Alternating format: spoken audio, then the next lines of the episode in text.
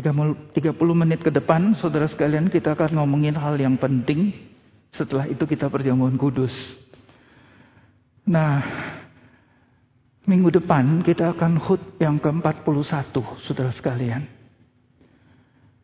Jadi, hari ini kita akan merenungkan bagian yang penting yang sangat menentukan ke depan. Atau kalau kamu ditanya, atau saya yang sekarang melayani di sini ditanya, Comuse, gereja Greenfield mau dibawa ke mana? Sekalipun saya tahu waktu saya pendek di sini, saudara sekalian. Tapi saya kira nggak salah kalau biar saya diuji juga untuk ke depannya dan untuk semua nanti atau gembala yang akan meneruskan. Gereja ini akan dibawa ke mana? Ini kita HUT 40 saudara sekalian. Minggu besok 41.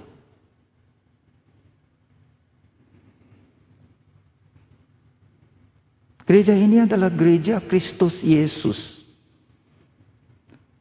Maka gereja ini mau ke mana?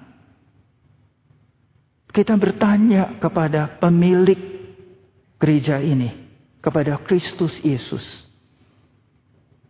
Apa visi dan misi Kristus Yesus? Itu yang menjadi visi dan misi kita, gereja ini. Kalau gereja ini dibangun untuk mewujudkan visi dan misi Yesus Kristus, tapi kemudian kita berjalan tidak atau berlawanan, bertentangan dengan misi dan visi Yesus Kristus, berarti kita bukan gereja Yesus Kristus. Gereja Yesus Kristus adalah gereja yang menjalankan visi dan misi menurut kepala gereja. Menurut Yesus Kristus. Jadi kalau kita tidak mengerti atau kita tidak meyakini visi dan misi Yesus Kristus, kemudian kita anggap kita sudah, kita bisa, kita sedang melakukan yang Tuhan mau, ternyata nanti akhirnya bukan, maka celakalah kita. Hari-hari yang panjang yang akan kita lewati. Sudah 40 tahun saudara sekalian. Jadi pagi ini kita akan merenungkan satu tema saudara sekalian. Biar nanti diuji semuanya sampai akhir. Saya harap 30 menit bisa tercapai, tapi saya khawatir juga tidak tercapai. Saya ngomongin outline-nya dulu semua. Kemudian nanti kita perjamuan kudus dan diuji, saudara sekalian. Ya, tema kita hari ini dari ayat yang akan kita baca. Temanya apa? Pekerjaan Kristus adalah pekerjaan orang Kristus adalah pekerjaan gereja Kristus. Ada ayatnya, saudara sekalian. Pekerjaan pekerjaan Kristus adalah pekerjaan orang-orang Kristus. Orang Kristen adalah orang yang di dalamnya punya Kristus atau manusia Kristus. Jadi kita sementara terjemahannya begini dulu. Pekerjaan-pekerjaan Kristus adalah pekerjaan-pekerjaan orang-orang Kristus adalah pekerjaan gereja Kristus. Ini arah yang akan kita capai, saudara sekalian. Ayatnya ada di dalam pasal 14 ayat 12, 13, 14, 15. Ini rundownnya saudara sekalian. Dari tadi yang saya sudah bacakan. Yang pertama saya akan pinjam 40 hari. Di Alkitab ada 40 hari tiga kali saudara sekalian. Yang pertama 40 hari Musa dipanggil ke Gunung Sinai untuk menerima blueprint bagaimana membangun kemah suci. Yang kedua 40 hari Yesus Kristus setelah dibaptis dipimpin oleh roh kudus ke dalam padang belantara untuk berpuasa, berdoa, merenungkan pekerjaan, rencana kekekalan yang Bapak taruh di dalam hatinya untuk dikerjakan, untuk diwujudkan. Yang ketiga, 40 hari setelah Yesus bangkit, bersama dengan rasul dan murid, membicarakan kerajaan Allah yang akan dibangun. Jadi ini menjadi outline saudara sekalian atau blueprint dari Yesus Kristus datang ke dalam dunia. Kalau demikian, maka blueprint dan outline hidup Yesus Kristus harus menjadi outline dan blueprint hidup orang-orang Kristus. Harus menjadi outline dan blueprint dari gereja Kristus. Gereja Greenfield. 40 hari membangun kemah suci, saudara sekalian. Kemah suci simbol atau lambang daripada Yesus Kristus sendiri. Kenapa? Kemah suci adalah tempat pertemuan antara Allah dengan umatnya. Bagaimana umat yang berdosa bisa ketemu tatap muka dengan Allah Yahweh.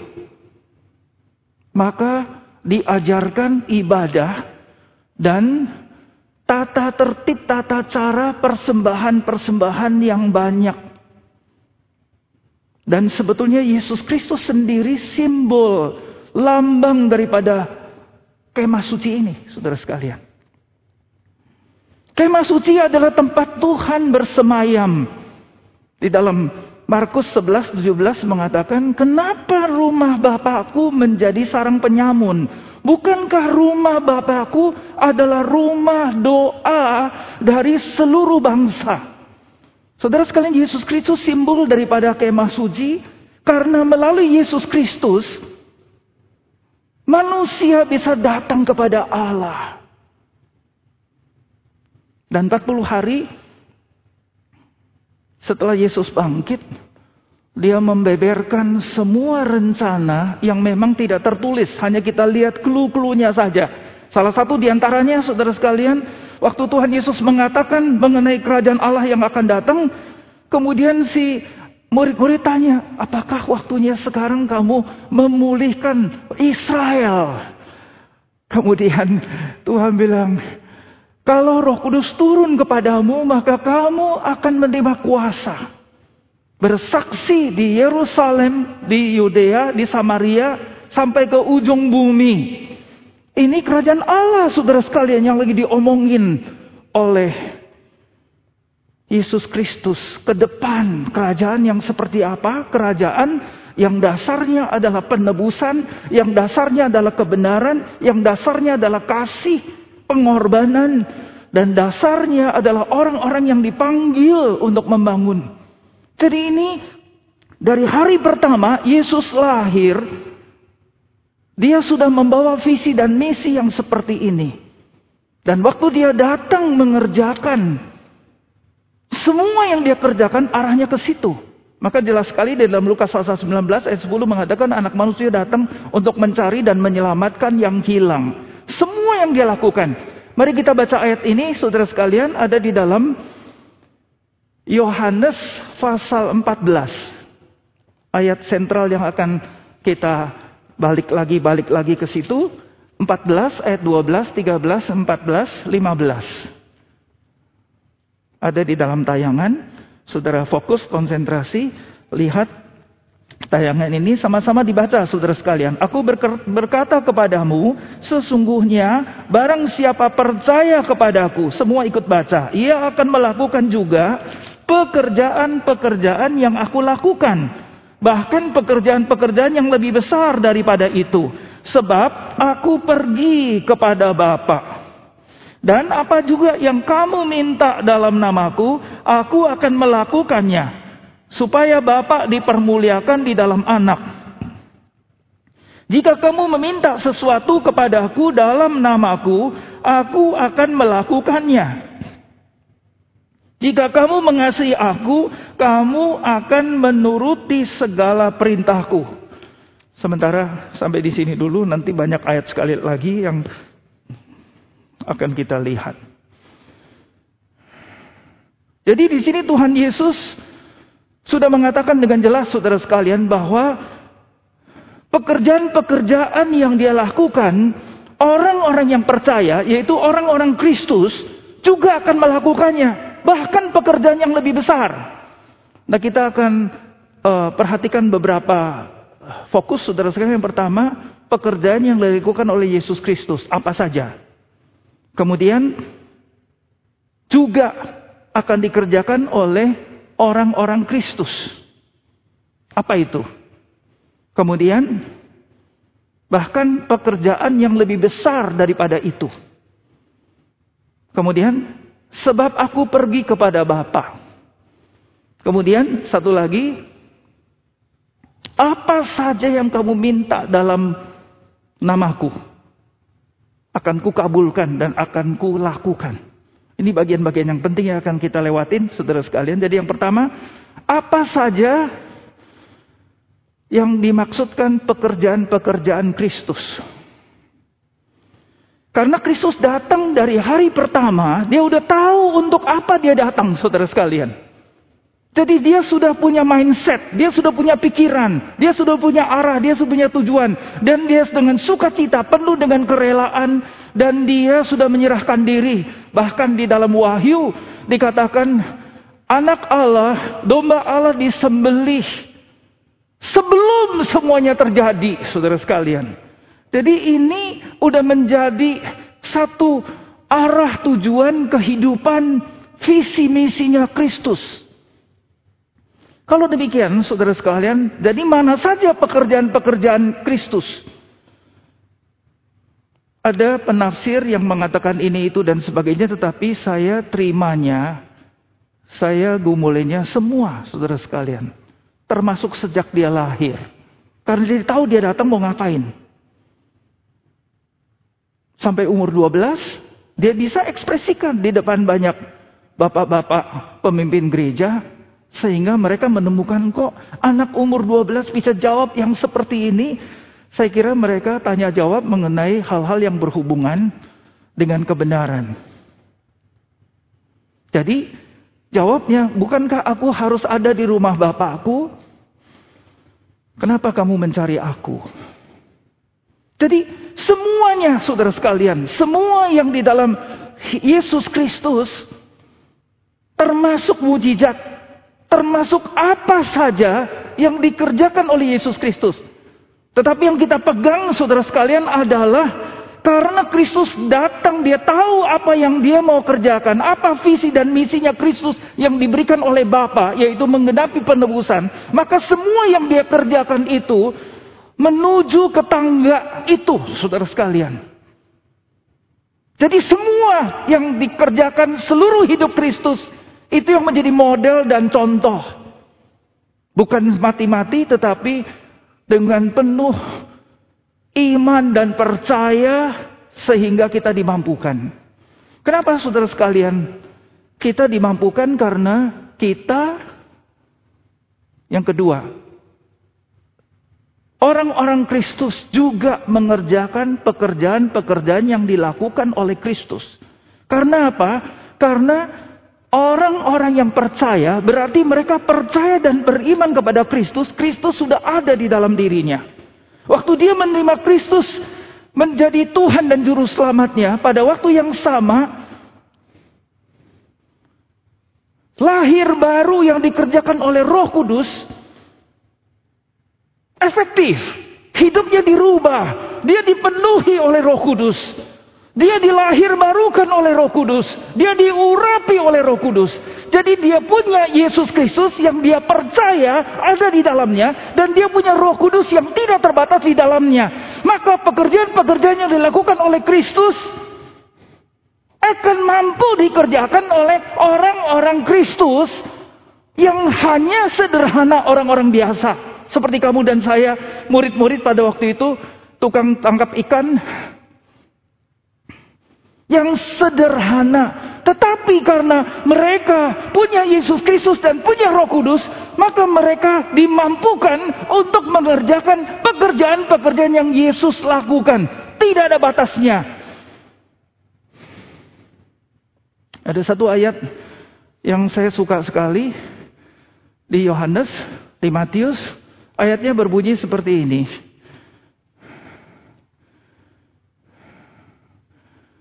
Orang-orang yang datang dari Allah, dia akan mengucapkan kata-kata kebenaran dari Allah. Karena Tuhan berikan kepadanya roh kudus yang tidak terbatas. Pasal 3 bagian ayat yang sebelah sini, saudara sekalian. Terus ada satu ayat, lagi di dalam pasal 17 Matius ayat yang ke 20 mungkin dikatakan bahwa kita beriman kepada Yesus Kristus. Kemudian kita bisa melakukan kemudian kita tidak ada satu hal pun kita tidak bisa lakukan. Woman meu ijian pun Jadi berarti kita bisa lakukan apa saja, saudara sekalian. Tetapi di dalam konteks Yesus Kristus dan Roh Kudus, maka ini menjadi bagian yang penting buat orang-orang Kristus juga mengerjakan pekerjaan-pekerjaan yang dilakukan oleh Kristus. Jadi, saudara sekalian, kita-kita ini orang yang percaya adalah orang-orang yang sangat mengherankan, luar biasa. Kita orang-orang biasa, tapi karena kita punya Kristus, maka kita dimampukan bisa mengerjakan pekerjaan-pekerjaan Kristus. Kita orang biasa, tapi karena dipenuhi oleh roh kudus yang tidak terbatas, maka kita dimampukan untuk mengerjakan pekerjaan-pekerjaan Kristus yang tidak mungkin dipekerjakan oleh siapa pun yang lain. Kecuali kita, orang-orang yang percaya. Itu janji, itu perintah saudara sekalian. Di sini memang ada janji dua. Yang pertama yaitu mengerjakan pekerjaan-pekerjaan Kristus, bahkan yang lebih besar. Yang kedua adalah minta apa saja akan dikabulkan. Dalam konteks ini, saudara sekalian, dalam konteks ini. Sampai di sini, Bapak Ibu setuju? Kalau setuju, berarti saya merasa selama ini kehidupan saya lemah. Berarti selama ini kehidupan saya tidak melakukan pekerjaan-pekerjaan yang dikerjakan oleh Kristus. Kenapa? Kalau setuju berarti kenapa gereja kita tidak melakukan pekerjaan-pekerjaan yang dilakukan oleh Kristus? Tapi kita juga mengatakan gereja kita banyak mengerjakan banyak hal. Lihat kita sudah lakukan ini, sudah berikan ini, sudah persembahkan ini, sudah lakukan itu. Apakah bagaimana mengukurnya saudara sekalian? Sehingga kita tahu bahwa kita sedang mengerjakan pekerjaan-pekerjaan Kristus.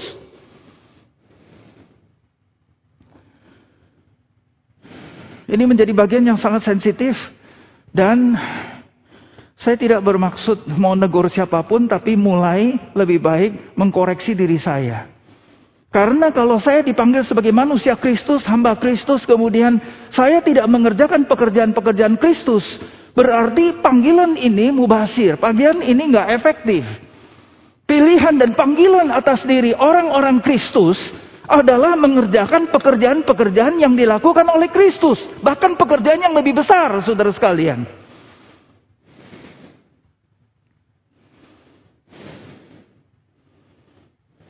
Kemudian bagaimana menjawab pekerjaan-pekerjaan yang lebih besar? Saya lagi gumulin beberapa pengertian saudara sekalian. Yang pertama, waktu Yesus mengucapkan kata ini, dia belum dimuliakan. Dia belum dipaku di atas kayu salib, dia belum mengenapi dia belum mengenapi penebusan. Dia belum dimuliakan. Jadi dia ngomongin nanti kelak satu hari. Tidak lama lagi. Yaitu tunggu sampai dia naik di atas kayu salib. Sampai nanti roh kudus diberikan.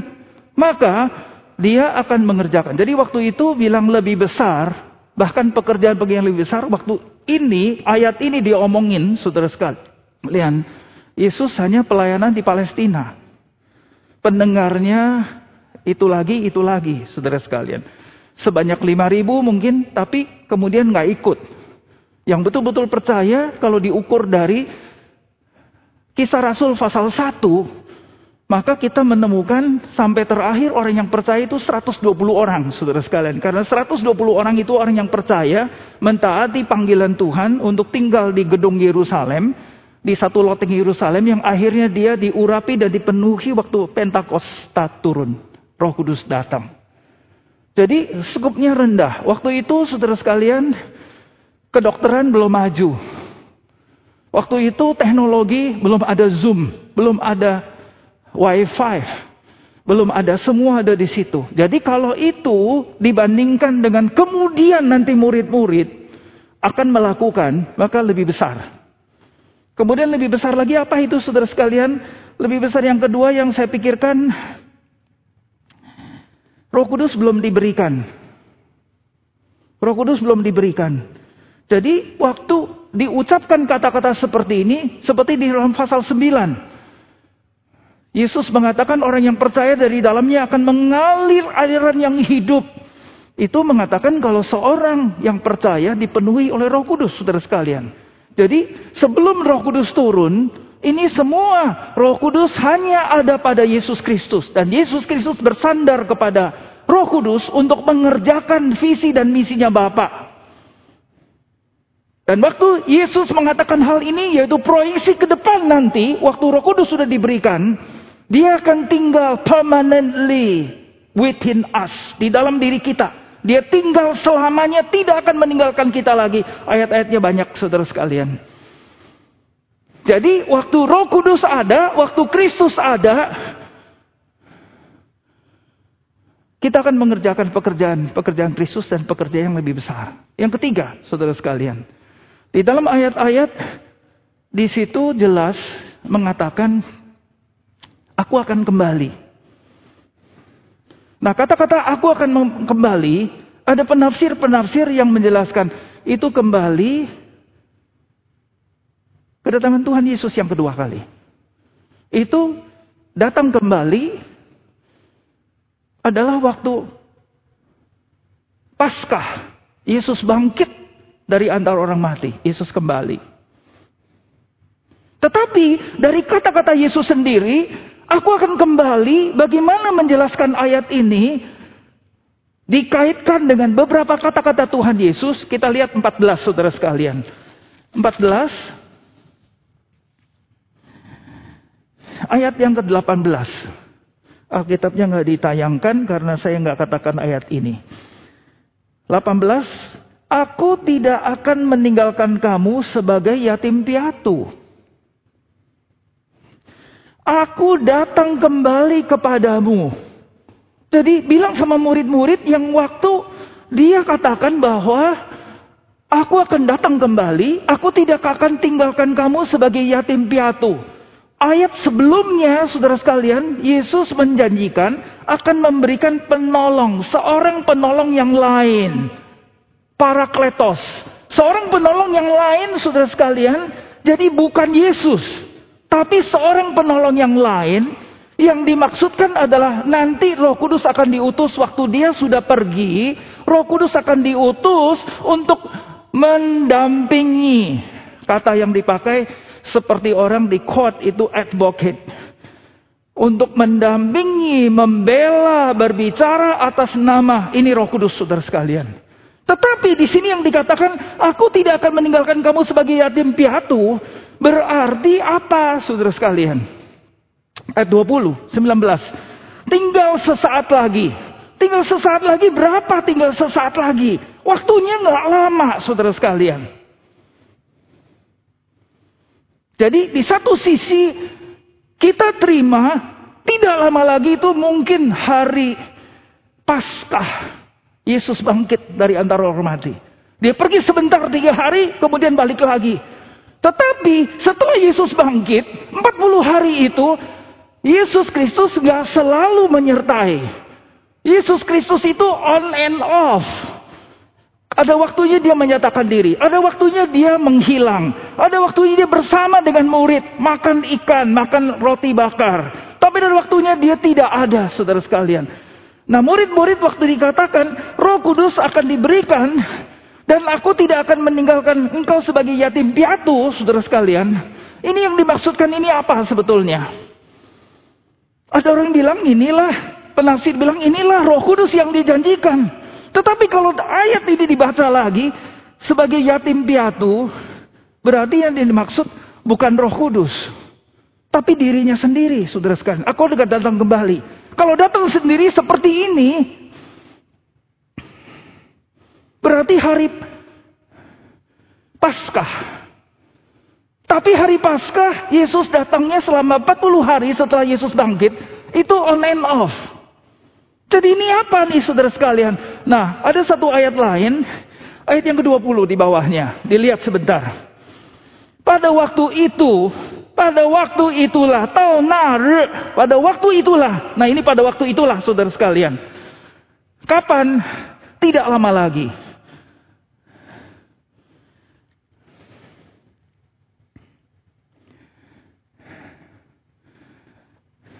Di dalam ayat di atasnya saudara sekalian, waktu Thomas tanya, kemudian waktu Filipus tanya,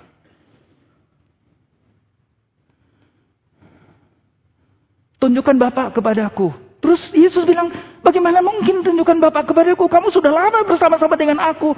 Tidakkah kamu tahu bahwa kamu lihat aku, kamu sudah lihat Bapak. Bapak di dalam aku, aku di dalam Bapak. Nah, di sini 20 Saudara sekalian, pada waktu itulah kamu akan tahu. Pada waktu itu akan tahu Saudara sekalian, apa yang akan tahu? Bahwa aku di dalam Bapakku dan kamu di dalam aku dan aku di dalam kamu. Kamu di dalam aku dan aku di dalam kamu dan bahwa aku di dalam Bapa. Saudara sekalian ini men, men, men, menceritakan atau menjanjikan ini hubungannya yang sampai sedemikian rupa, saudara sekalian. Nah, bagian ini dialami oleh rasul-rasul dan murid-murid.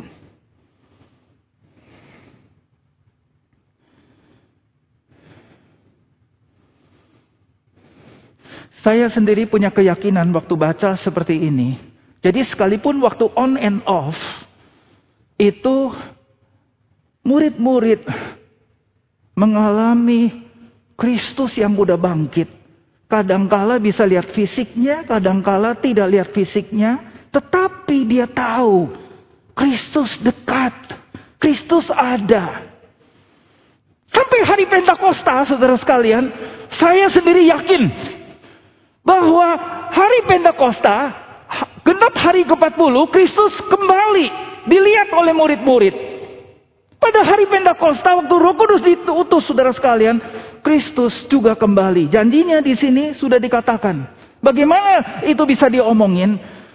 Di dalam tulisan-tulisan Paulus, Roma pasal banyak ayatnya saudara sekalian. Roma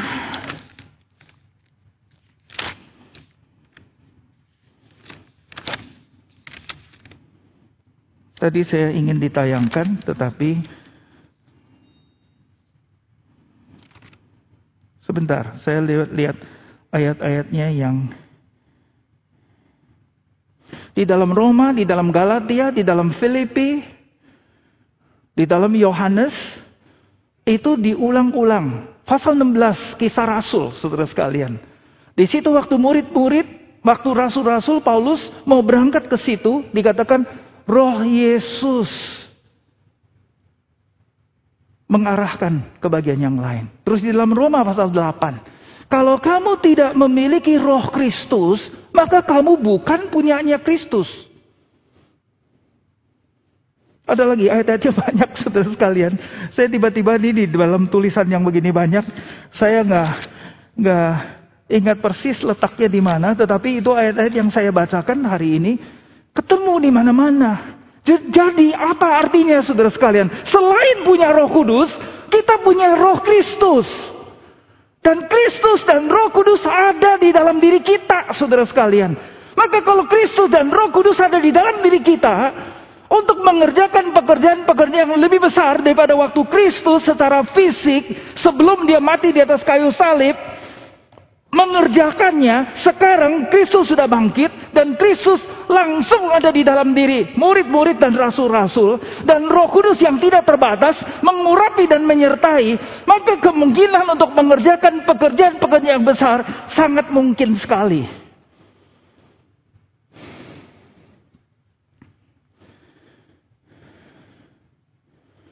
Jadi bagian ini saudara sekalian sangat penting sekali. Oh,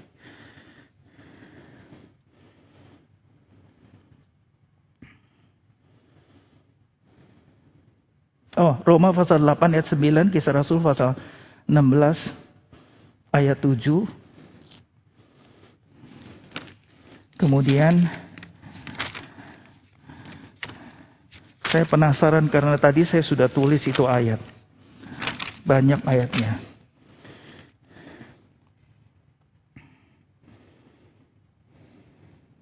Jadi Kristus sudah datang kembali pada waktu itu, saudara sekalian. Di dalam roh, bersama murid-murid dan rasul-rasul. Dengan roh kudus. Dan terus stay. Dia ada di dalam gerejanya. Dia menyertai kita. Dia di dalam diri kita. Saudara sekalian bayangin. Kita ini yang limited terbatas sekali. Dengan segala kelemahan. Digosok-gosok keluar tanah saudara sekalian. Tetapi di dalam diri kita yang digosok-gosok bisa keluar tanah yang sebentar lagi kalau expired day sudah tiba kita juga kembali ke tanah. Tapi selama kita hidup di dalam ada roh kudus dan ada roh Kristus. Dikatakan kamu akan mengerjakan pekerjaan-pekerjaan yang aku kerjakan. Bahkan pekerjaan yang lebih besar. Saudara sekalian ini satu kemungkinan, satu terobosan yang besar sekali. Dan tujuannya gereja dibangun di atas bumi untuk mengerjakan pekerjaan-pekerjaan Kristus dan pekerjaan-pekerjaan yang lebih besar daripada pekerjaan-pekerjaan yang dulu dikerjakan oleh Kristus waktu dia di dalam fisik sebelum dia mati di salib, sebelum Roh Kudus diberikan.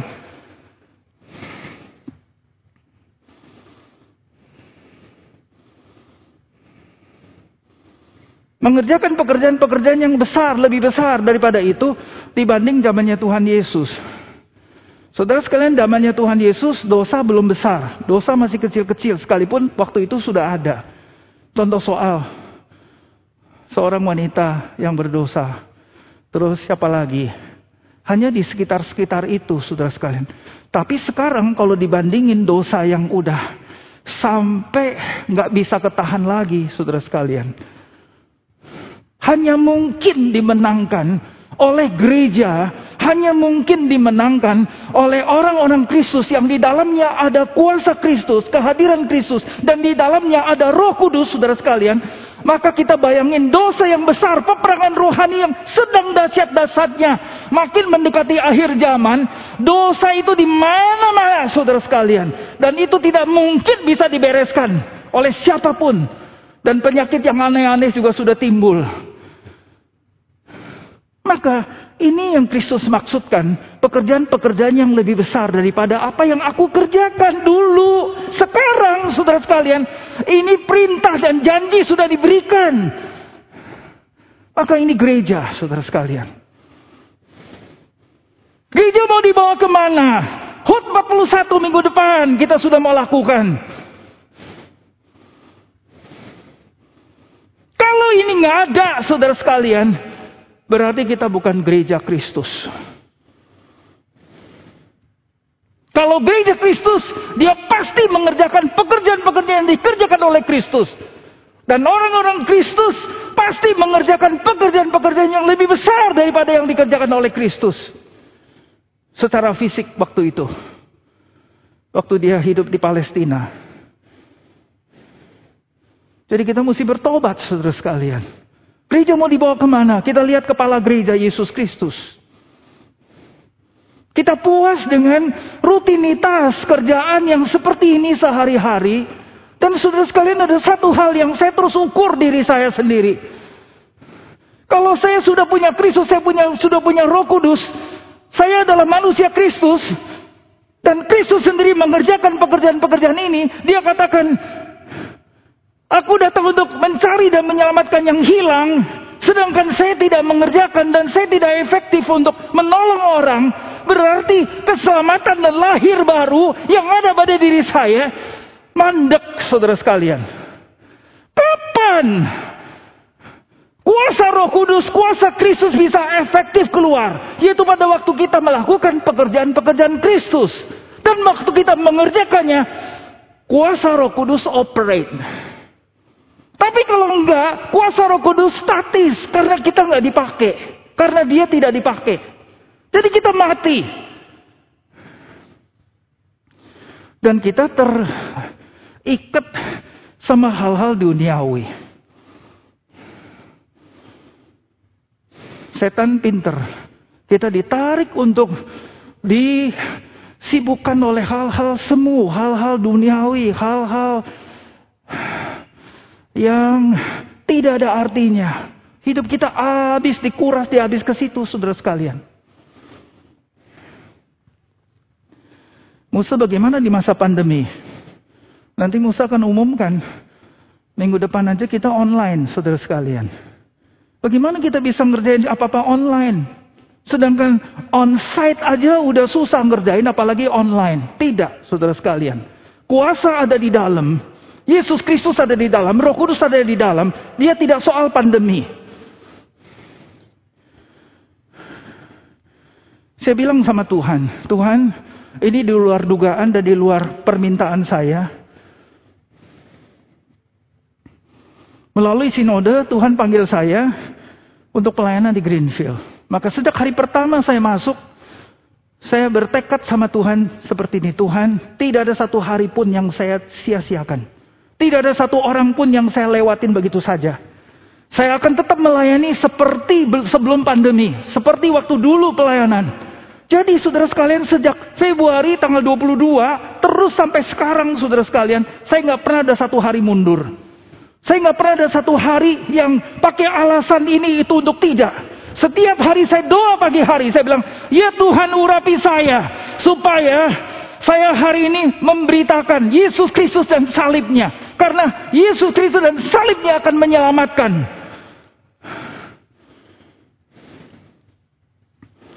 Jumat, saya ditelepon, Musa boleh datang.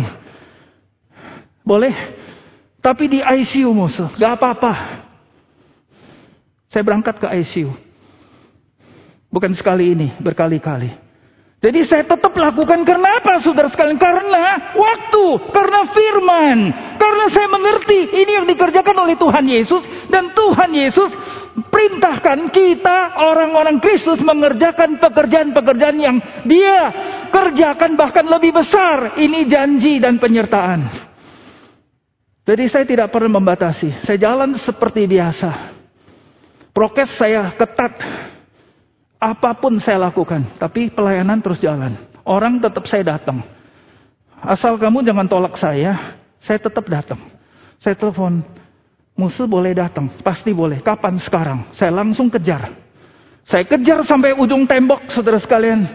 Supaya apa? Supaya dia yakin punya Tuhan Yesus. Supaya yakin dia lahir baru. Supaya dia yakin dia jadi orang Kristus. Tidak ada satu orang pun yang saya tolak. Kenapa? Ini firman, saudara sekalian. Saya ingin sekali sisa hidup saya ke depan. Sekarang saya 67, saya nggak tahu nanti saya diberi umur berapa. Tidak ada satu hari pun yang saya sia-siakan. Tapi tiap hari saya beritakan Yesus Kristus dan salibnya.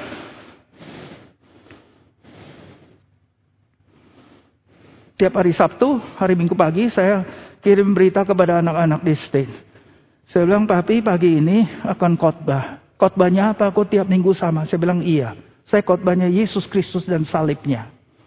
Ke mana saja khotbah saya. Nanti malam jam 7 saya akan di rumah duka, pimpin kedukaan. Saya kasih tahu, temanya adalah Yesus Kristus dan salibnya. Apa saja yang beri kesempatan saya pasti ngomong Yesus Kristus dan salibnya. Karena itu yang menyelamatkan. Dan itu yang dilakukan oleh Tuhan Yesus. Jadi pekerjaan-pekerjaan yang lebih besar. Dan sekarang saudara sekalian, bagian yang terakhir. Apa pun yang kamu minta dalam namaku akan kulakukan. Saudara sekalian dalam konteks apa? Jadi waktu kita apa pun yang kita minta di dalam nama Yesus Kristus dicocokkan dengan pekerjaan-pekerjaan Kristus, pekerjaan-pekerjaan yang aku lakukan, pekerjaan-pekerjaan besar yang aku lakukan, itu apa saudara sekalian? Itu adalah pekerjaan menyelamatkan dunia. Yesus Kristus membawa visi dan misinya Bapa. Pasal 3 ayat 9. Bapak tidak ingin satu orang pun binasa. Dua Petrus tadi, saudara sekalian. Tidak ingin satu orang pun yang binasa, tapi dia mau setiap orang diselamatkan. Karena apa? Karena setiap orang diciptakan menurut gambar dan rupanya Kristus. Gambar dan rupanya Allah Tritunggal. Jadi tidak ada satu orang pun yang didiskreditkan atau yang dipilih kasihi. Semua dipilih, saudara sekalian. Semua dipilih. Jadi kamu dan saya, orang-orang yang sudah punya Kristus, sudah punya roh kudus yang tidak terbatas. Ini visi Bapak yang dijalankan oleh Yesus. Dan Yesus sekarang ada di gerejanya, melalui gerejanya, melalui orang-orang Kristus, terus mengerjakan visi dan misinya Bapa sampai kapan? Sampai waktunya genap. Banyak saudara sekalian. Sampai di sini saudara nangkep. Siapa yang nangkep? Kamu nggak nangkep. Saya udah ngomong sampai gini-gini, saudara nggak nangkep. Siapa yang nangkep? Kamu nangkep apa yang saya ngomongin?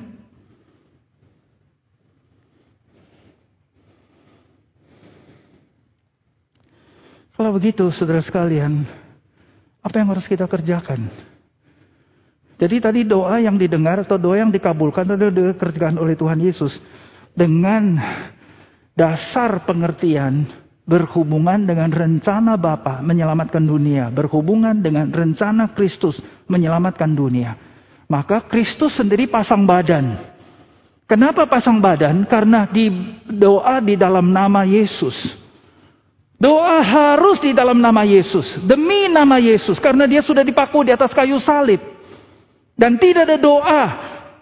Kalau kamu doa demi nama Yesus Kristus, kamu sendiri nggak bisa ucapkan, berarti itu tidak termasuk. Kalau saudara bilang begini, ya Tuhan, saya kepengen beli pulau. Ya Tuhan, saya kepingin punya rumah mewah yang seperti itu. Ya Tuhan, saya kepingin ini, pengen itu. Dicocokkan dengan firman tadi, nggak apply, nggak matching. Maka saya nggak bisa doa minta-minta itu. Karena itu keluar dari visi dan misinya Kristus. Sedangkan saya manusia Kristus. Saya manusia Kristus sedang mengerjakan pekerjaan-pekerjaan Kristus. Bahkan pekerjaan-pekerjaan yang lebih besar. Maka doa saya harus pekerjaan-pekerjaan yang lebih besar yang berhubungan dengan visi dan misinya Kristus. Maka visi misinya Bapa menjadi visi misinya Kristus, menjadi visi misinya orang-orang Kristus, visi misinya gereja, dan kita semua di dalam skop ini, saudara sekalian. Waktu kita menghadapi kehidupan yang penuh dengan tantangan, diukur dan disaring dengan ini, maka kita berani menghadapi. Kenapa? Sebentar kita berjamuan kudus. 45 menit saudara sekalian, saya harus selesai. Nomor satu, saudara harus percaya firman ini. Yang kedua, saudara harus menuntut hidup suci. Kita nggak bisa injak kaki di atas dua perahu. Kita harus hidup suci karena Tuhan mau hinggap tinggal di dalam hidup orang yang suci. Dan waktu yang lalu kita bicara soal Roma, saya menemukan di bagian itu, pasal 6 kalau nggak salah, saudara sekalian. Kita mungkin untuk tidak berdosa, saudara sekalian. Kita mungkin untuk tidak berdosa. Dan waktu kita tidak berdosa menuntut hidup yang suci, maka Kristus sepenuhnya full size dan roh kudus sepenuhnya full size operate di dalam diri kita. Maka kita tidak ada satu hal pun yang kita tidak bisa kerjakan. Dan kita tidak akan takut kepada siapa pun. Karena Kristus ada di dalam diri kita dan roh kudus ada di dalam diri kita. Dan kita dimampukan untuk mengerjakan apa saja yang dia mau berhubungan dengan rencana dan kehendaknya. Jadi yang pertama, saudara sekalian percaya firman ini untuk saya, untuk gereja kita. Yang kedua, menuntut hidup suci. Yang ketiga, mari kita kerjakan sekarang. Jadi apa yang kita harus kerjakan? Sekarang yang Kristus sedang kerjakan melalui diri kita, yang kita sudah dibukakan melalui firman-Nya, kita mulai kerjakan. Jadi, waktu Tuhan Yesus bertanya kepada murid-murid, menurut kamu, menurut orang aku ini siapa? Kemudian Murid-murid jawab, ada yang bilang Jeremiah, ada yang bilang Elia, ada orang bilang salah satu nabi yang bangkit. Kemudian kamu kira saya siapa? Petrus bilang, kamulah anak Allah yang hidup. Kemudian Tuhan bilang, roh Allah yang menunjukkan. Dan aku akan membangun jemaatku di atas dasar ini. Dasar batu karang.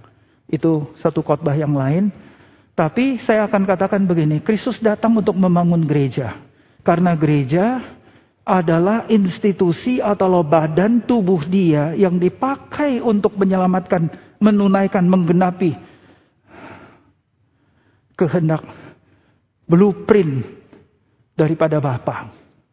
Jadi kita orang-orang Kristus, kita gereja Kristus ngerjain apa?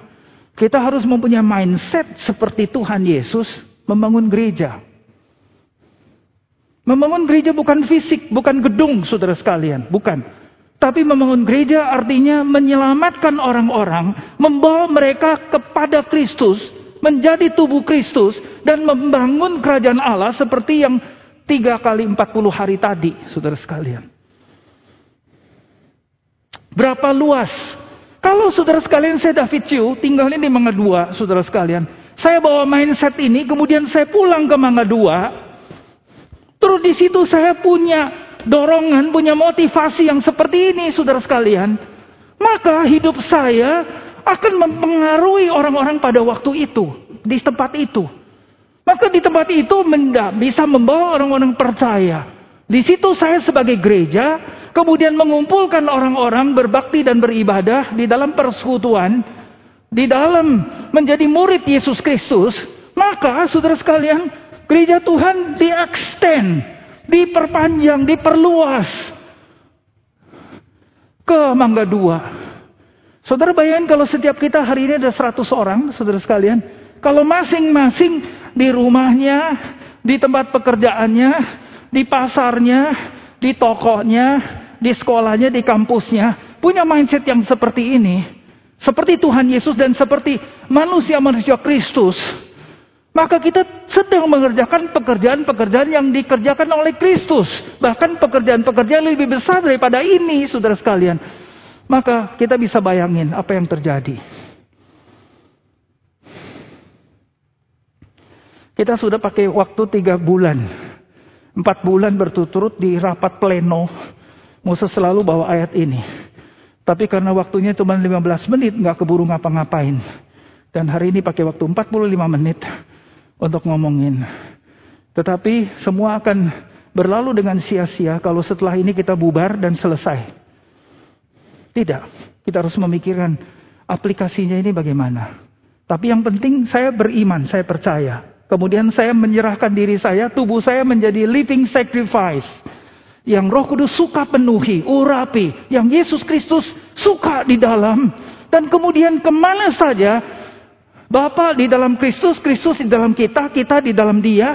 Ini menjadi satu pengalaman yang mana saudara sekalian kuasa yang dikatakan oleh Kristus itu ada di dalam activate di dalam diri kita itu efektif keluar nyata saudara sekalian. Dan orang-orang yang kita sentuh yang kita layanin mengalami diselamatkan. Percaya kerajaan Allah terus dibangun saudara sekalian. Kerajaan Allah terus dibangun. Gereja Greenfield tidak akan muat lagi. Dan di mana-mana ada gereja Greenfield saudara sekalian kamu alamat rumahnya di mana? Di situ ada gereja Greenfield. Kamu alamat rumahnya di mana? Di situ ada gereja Greenfield. Di mana-mana saudara sekalian. Waktu hari Minggu kita kumpul ibadah raya. Kita sebentar lagi punya gedung Ebenezer. Di situ juga gereja Greenfield. Kita punya Alive Binding lantai 6. Di situ juga gereja Greenfield. Tempat semua. Di bawah ada basement saudara sekalian. Di situ juga gereja Greenfield. Di mana ada space yang kosong diisi. Karena apa? Karena gereja-gereja di mana-mana seluruh kota Jakarta, utara, selatan, pusat, timur, barat, semua ada gereja Greenfield. Ini yang dikerjakan oleh Kristus karena Kristus mau seluruh kota Jakarta diselamatkan. Maka kita orang-orang Kristus mengerjakan pekerjaan-pekerjaan Kristus bahkan pekerjaan-pekerjaan lebih besar daripada Kristus waktu mengerjakannya secara fisik. Dan sekarang dia sudah di dalam roh dan tidak terbatas. Dia pakai kita punya badan, living sacrifice untuk mengerjakan. Dan inilah perjamuan kudus. Mari kita siapkan hati kita terima perjamuan kudus, saudara sekalian.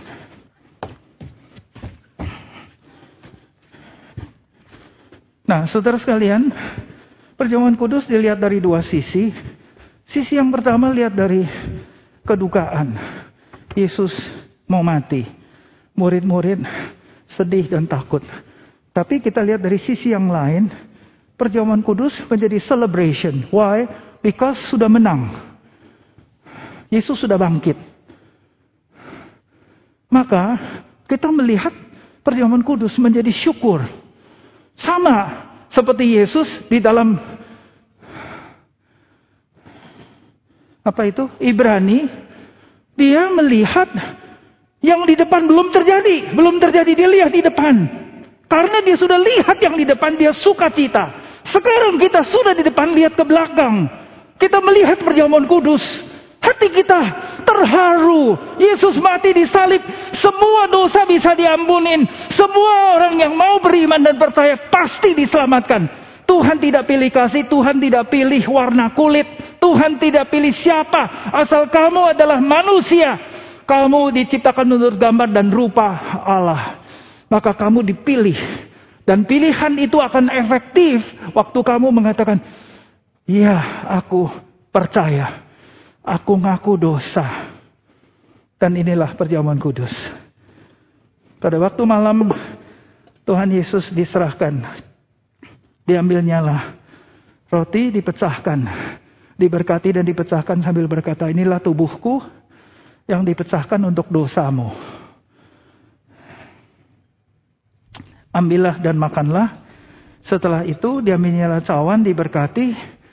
Tuhan Yesus berkata inilah darah inilah perjanjian baru yang dibuat bukan dengan darah de hewan, tapi dengan darahku. Supaya dosamu diampuni, supaya kamu mewarisi hidup Yesus yang kekal.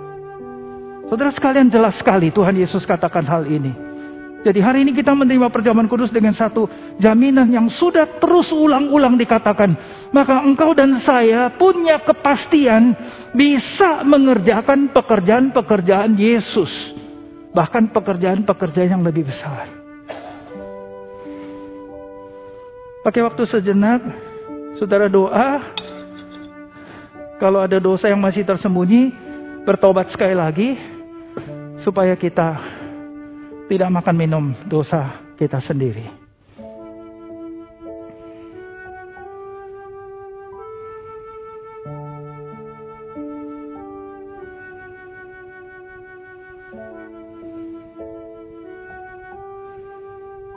Ya Tuhan Yesus, Tuhan Yesus ada di sini.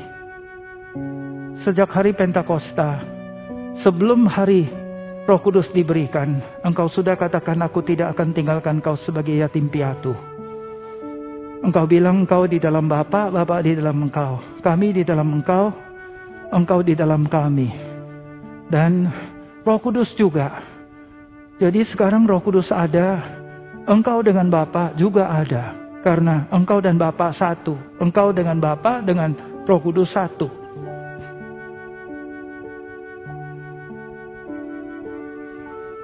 Screening kami punya sikap. Bantu kami bertobat ya Tuhan.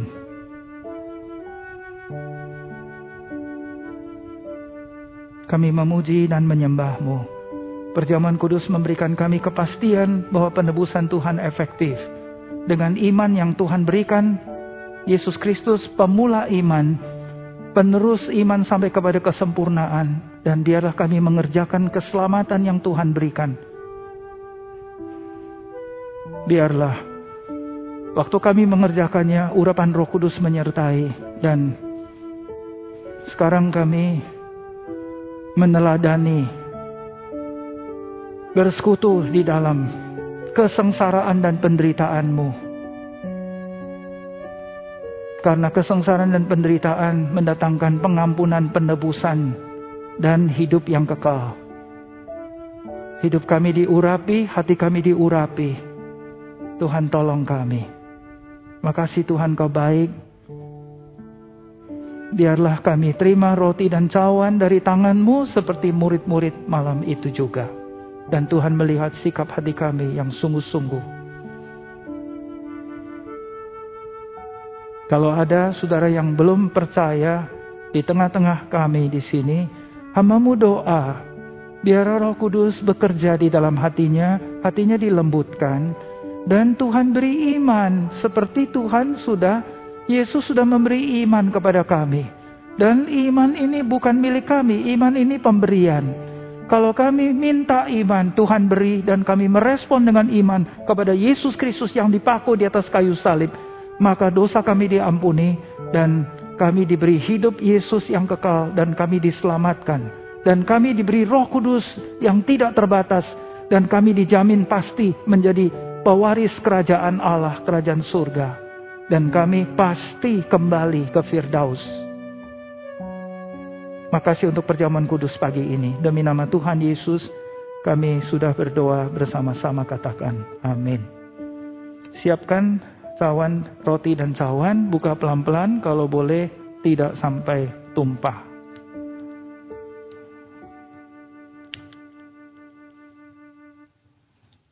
Rotinya disiapkan hati-hati, kemudian cawannya juga disiapkan hati-hati.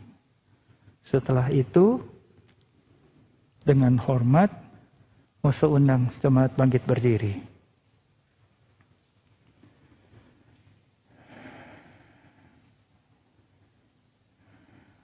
Ditunggu, bukannya susah, nggak apa-apa. Hati kita mengarah kepada Kristus dan dia ada di sini, saudara sekalian. Kita sangat bersyukur. Makin sekali kita menerima perjamuan kudus, makin dekat kepada kedatangannya. Yang dia bilang, nanti kita makan minum di dalam kerajaan Bapa. Dengan penuh pengucapan syukur, mari kita makan roti bersama-sama.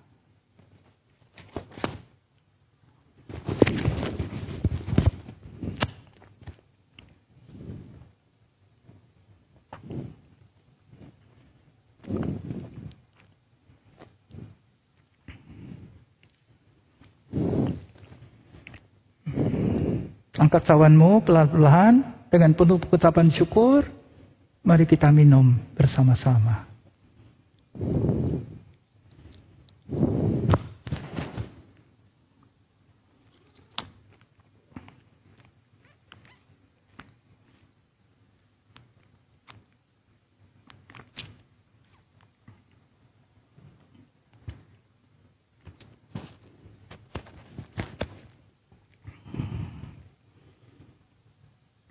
Hati kami terharu ya Tuhan Perintahmu, undanganmu sudah kami terima dan kami lakukan. Sekarang kami persembahkan diri kami. Kami tahu kami adalah orang Kristus, manusia Kristus. Perintah dan janjimu mengerjakan pekerjaan-pekerjaan yang Kristus kerjakan, bahkan pekerjaan-pekerjaan yang lebih besar. Inilah tubuh kami, hidup kami, kami persembahkan Ya Tuhan Roh Kudus, sekali lagi kami mohon dengan rendah hati, urapi kami, karena tanpa urapan Roh Kudus, kami memakai kekuatan manusia, kami tidak mungkin efektif. Tetapi waktu kami memberitakan Yesus Kristus dan salibnya, Tuhan memberikan iman, diurapi oleh Roh Kudus, kami dan pendengar, orang yang kami maksud. Maka dia akan beriman, percaya, bertobat, menjadi anak Tuhan. Menjadi manusia Kristus seperti kami juga yang akan menerima roh kudus. Pakai setiap kami yang hari ini sudah mendengar firman, mengerti dan bertekad. Dan biarlah gereja kami, gereja Kristus dipenuhi dengan murid-murid Kristus. Yang setiap hari dengar Yesus. Baca firman Yesus. Berdoa Yesus melayani seperti Yesus. Hidupnya diubah oleh Roh Kudus, dibentuk dengan karakter-karakter Yesus. Membawa orang-orang yang belum beriman dan percaya kepada Kristus. Menjadi orang-orang yang beriman dan percaya seperti kami. Dan sirkulasi itu yang pernah terjadi di dalam hidup murid dan rasul hari ini terjadi dalam diri kami. Kami sudah punya semua tetapi ada satu bagian yaitu kami bungkam tidak pernah menyaksikan. Bahkan hidup kami menjadi batu sandungan. Sekarang kami minta dibungkus dengan darah Yesus. Bantu kami bertobat dan biarlah hidup kami lepas menjadi kesaksian yang hidup. Dan Yesus mengerjakan pekerjaan-pekerjaan Yesus. Bahkan pekerjaan yang lebih besar karena roh kudus berkenan mengurapi kami. Putus kami pergi seperti ini. Demi nama Tuhan Yesus Kristus, kami sudah berdoa bersama-sama katakan. Amin. Silakan duduk. ibadah dilanjutkan.